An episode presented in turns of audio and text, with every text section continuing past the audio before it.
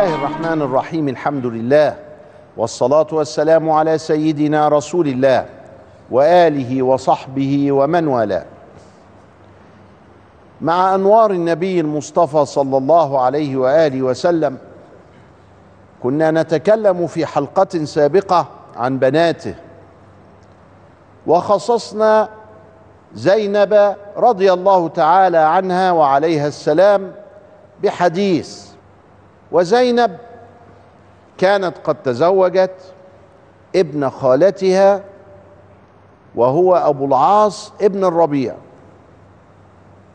لأن أمه هالة بنت خويلد أخت خديجه ولذلك فإن أبو العاص كان ابن خالتها وهي بنت خالته. وأنجب عليا ومات صغيرا قبل الحلم. لكنه كان رديف رسول الله صلى الله عليه وسلم يوم فتح مكة.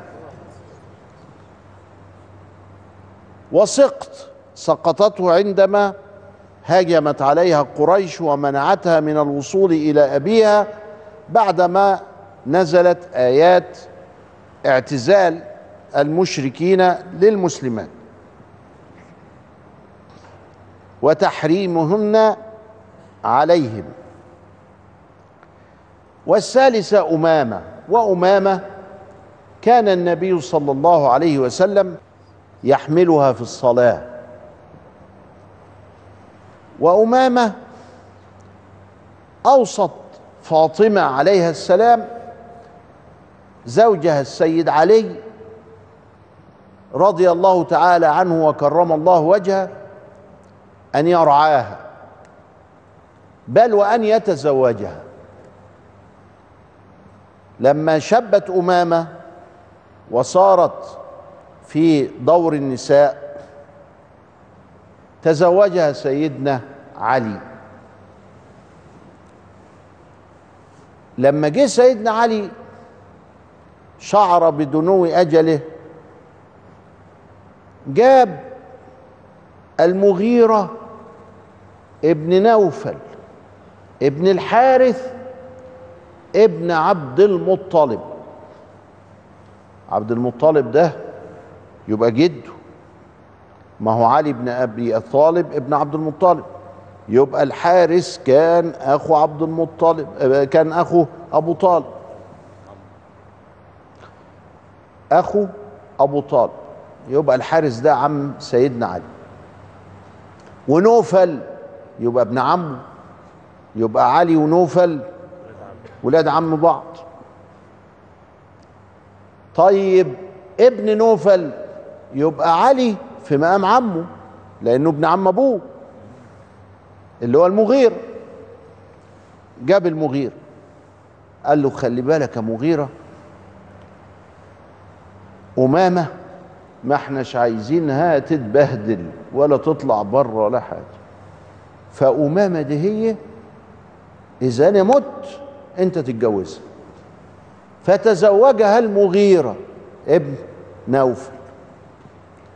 وأنجبت له يحيى. يحيى ده لا خبر عنه. يعني ملوش نسل ولا له حاجة.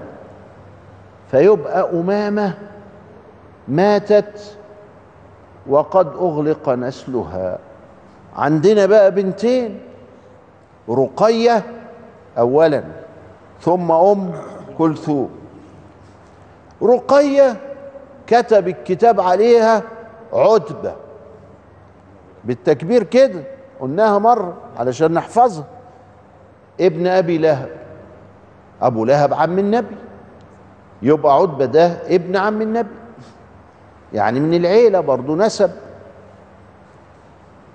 أم كلثوم كتب الكتاب عليها عتيبة بالتصغير. الكبيرة مكبر والصغيرة مصغر عشان تحفظها. عتبة وعتيبة. عتبة اتجوز مين؟ رقية. وعتيبة أم كلثوم. يبقى حفظناه الحمد لله ما دخلوش بالبنات. كاتب كتاب بس. نزل قوله تعالى تبت يد أبي لهب وتب. طب الله يخليك لو كان القرآن ده من عند محمد والبنتين عند الأخين والواحد بيفرح لما البنت يجوزها. ما هو كان آخر الكلام ده شوية. بس الأمر مش بايده ولا هو اللي بينزل ولا هو يعرف ينزل ولا يعرف يرفض. تبت يد أبي لهب وتب. آه. ده لسه العيال ما دخلوش. فجه أبو لهب على مقتضى الحمق وذهب وقال لهم والله لا أشرب ماء حتى تطلق بنتي محمد. نشغله بهما. ادي الفكر الصحيح كده إن إحنا نطلق البنات عشان محمد يتشغل بيهم. ففعل. والحمد لله إنهم فعل خلاص؟ سيدنا عثمان تزوج السيدة رقية. وهاجر بها سيدنا عثمان مليونير. مليونير جامد قوي.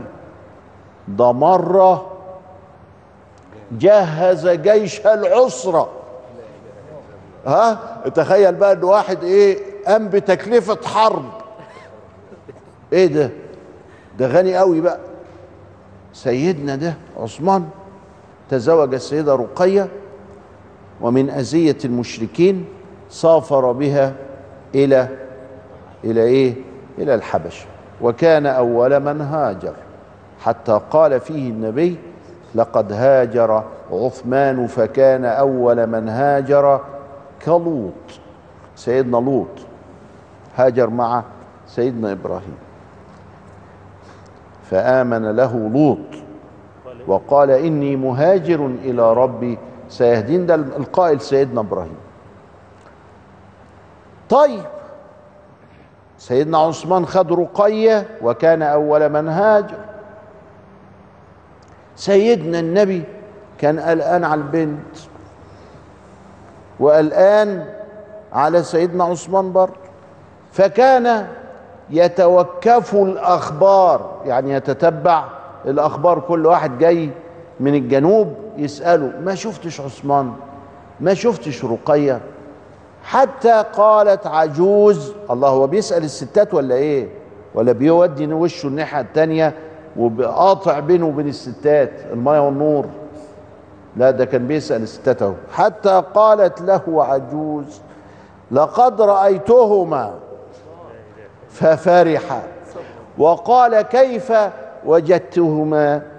قالت وجدت رقية تركب حمارا وعثمان يجره.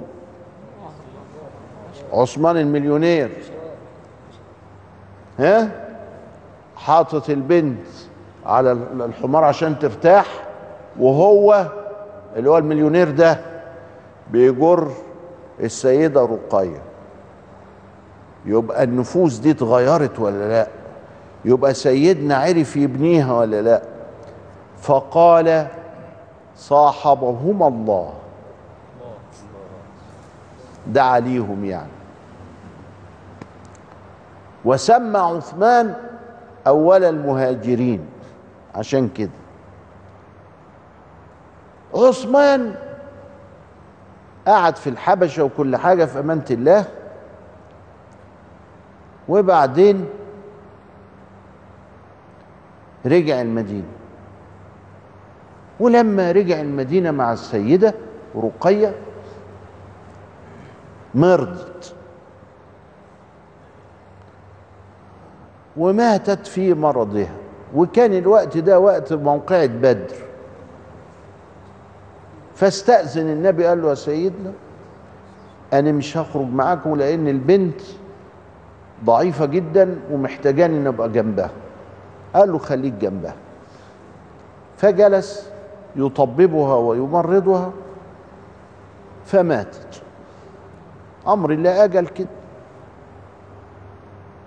وهو بيدفنها جاءه زيد بن حارثة متهللا فرحا. هو لسه قدامها دفنها قفل القبر عزا بقى وحزن. المسلمين انتصروا.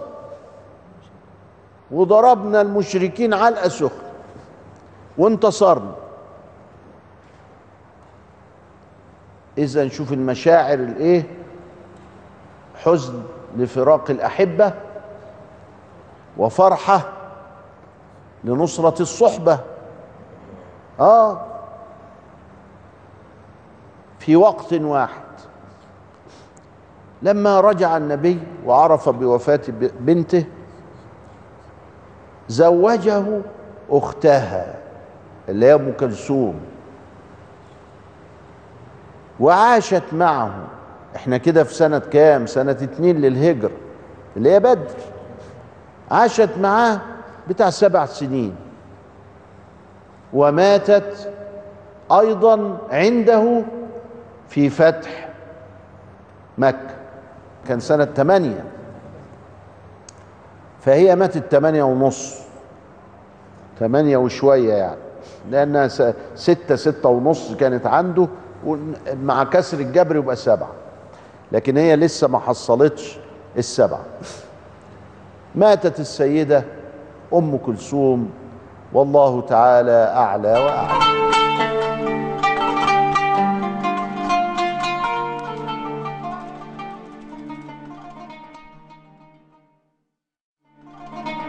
بسم الله الرحمن الرحيم.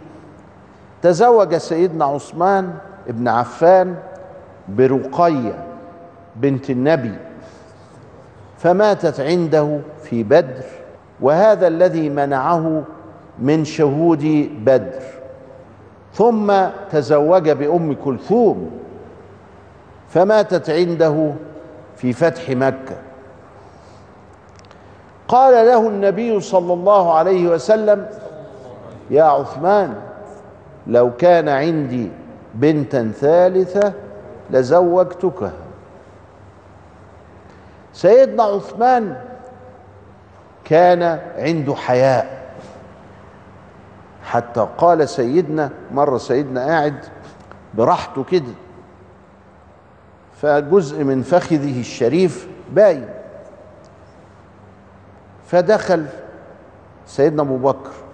هو بيتكلم. دخل سيدنا عمر. استمر في الكلام. وجزء من من من من فخذه الشريف باين. فدخل سيدنا عثمان فراح إيه مغطي كده هو معدل البتاع.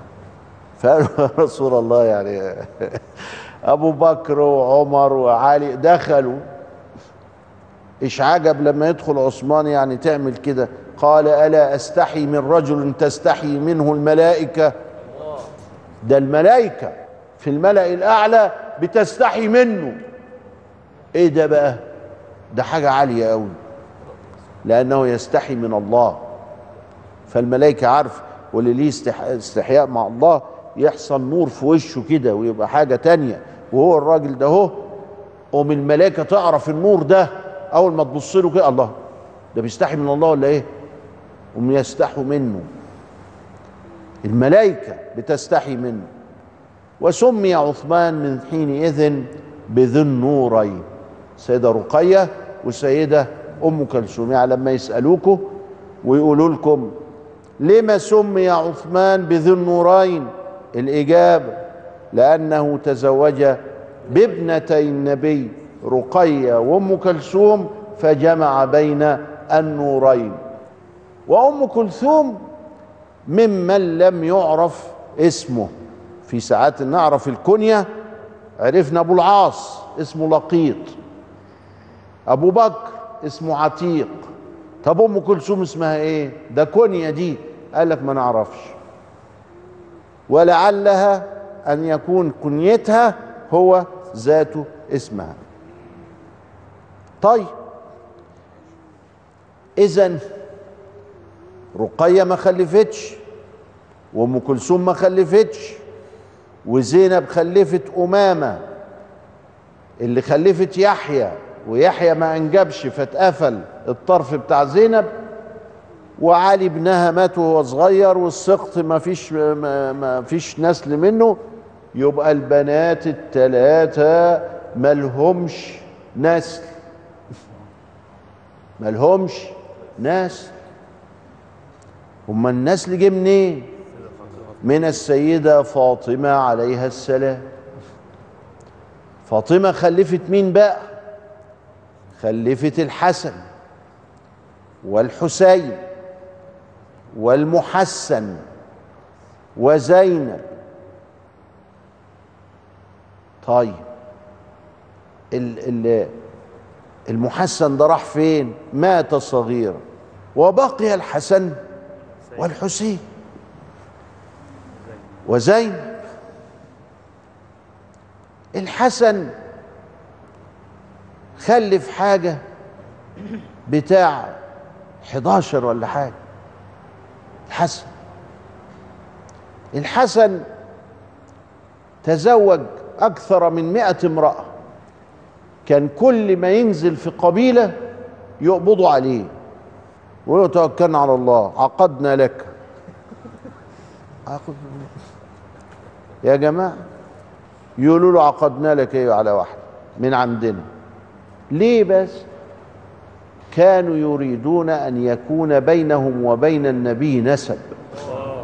ولد عندهم من ولاد النبي حاجة كبيرة قوي فكانت القبائل تفعل هذا.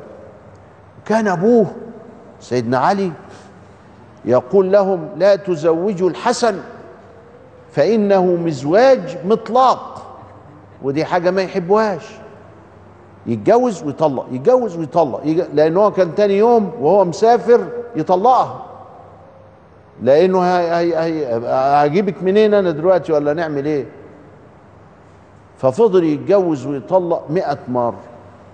فكان العرب وهو يقول لهم إن الحسن مزواج مطلق فلا تزوجوه. يقولوا له مين اللي ده إحنا اللي بنرغمه إنه يتجوز. مين اللي قال لك إن هو طلب؟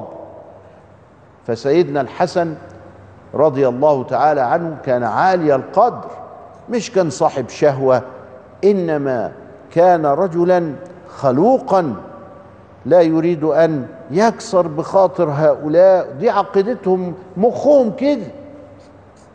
لازم وإحنا بنفهم ما نفهمش على العصر بتاعنا. نقول الله ده راجل متجوز مئة إزاي يعني؟ أوعى. ده هي البيئة والثقافة حينئذ كانت كده. كان يبقى عيب إنه ما يعملش كده. كان يبقى غلط. كان يبقى مبغوض إنه ما يعملش كده. ثقافة تاني غير الثقافة اللي إحنا عايشين فيها. مش معنى كده إن الثقافة دي صح والثقافة دي غلط ولا الثقافة دي غلط والثقافة لا. كل عصر له ثقافته وله مصالحه. وله عقليته وله طريقته وله الحاجة اللي بنعمر بيها الدنيا. ما انت ما تجيبليش ناس بقوا سبعة مليار وده كانت ساعتها كانوا نص مليون. محتاجين لناس عشان يعمر الدنيا. لكن دلوقتي محتاجين نوقف النسل لأنه بقى فساد في الأرض. فالمهم الحاصل إن سيدنا الحسن خلف كتير لم يبقى منهم في النسل إلا الحسن المثنى. ابنه كان اسمه الحسن ابن الحسن. حسن المثنى. وولد تاني اسمه زيد الأبلج. والباقي ماتوا من غير نسل أو تناسلوا ومات الجيل التاني على طول. ما كملوش. ما كملوش. فيبقى الحسن المثنى وزيد الأبلج دول من طرف سيدنا الحسن. سيدنا الحسن لما النبي انتقل كان عنده قيمة يمكن ست سنين ونص سبع سنين حاجة كده يعني زي كده. سيدنا الحسين أقل منه بسنة وعشر شهور. سيدنا الحسين أقل منه بسنة وكام؟ وعشر شهور. يعني قول سنتين عشان نحفظ ما يجراش حاجة. الحسن قعد سبع سنين تقريبا. يبقى الحسين قعد خمس سنين تقريبا. في سنة واحد وخمسين مات الحسن. وهو عنده يعني حاجة زي تقول سبعة وأربعين سنة.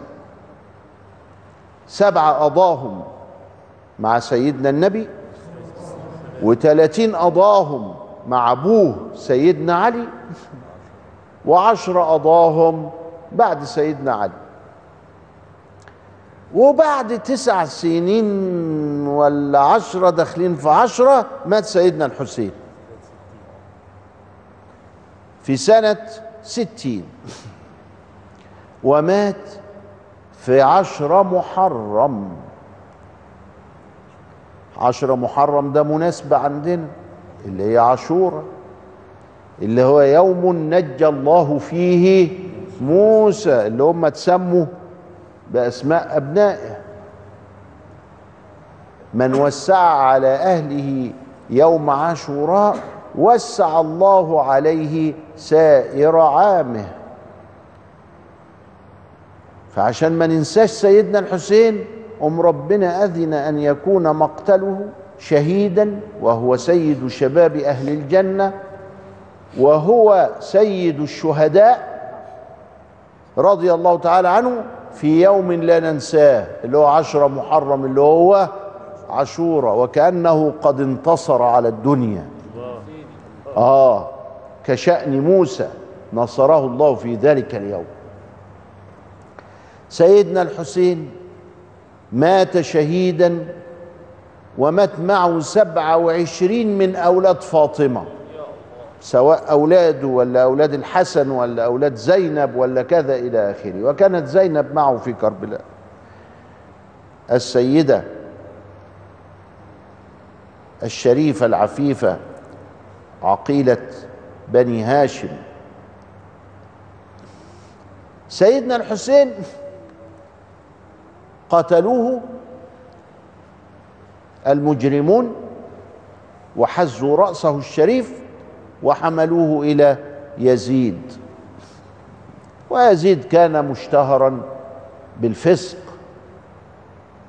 في أول سنة هو حكم ثلاث سنين. ضرب الكعبة بالمنجنيق. وفي تاني سنة داست الخيول المسجد النبوي وقتلوا أهل المدينة. وفي ثالث سنة قتل سيدنا الحسين. سيدنا النبي صلى الله عليه وسلم يقول الحسين مني وأنا من الحسين ويقول هذان يا ربي إني أحبهما فأحببهما وأحب من يحبهما وأحب من يحبهما فاللهم احشرنا في من أحب أهل البيت الكرام واجعلنا في دعوة النبي المصطفى صلى الله عليه وآله وسلم. وإلى لقاء آخر أستودعكم الله والسلام عليكم ورحمة الله وبركاته.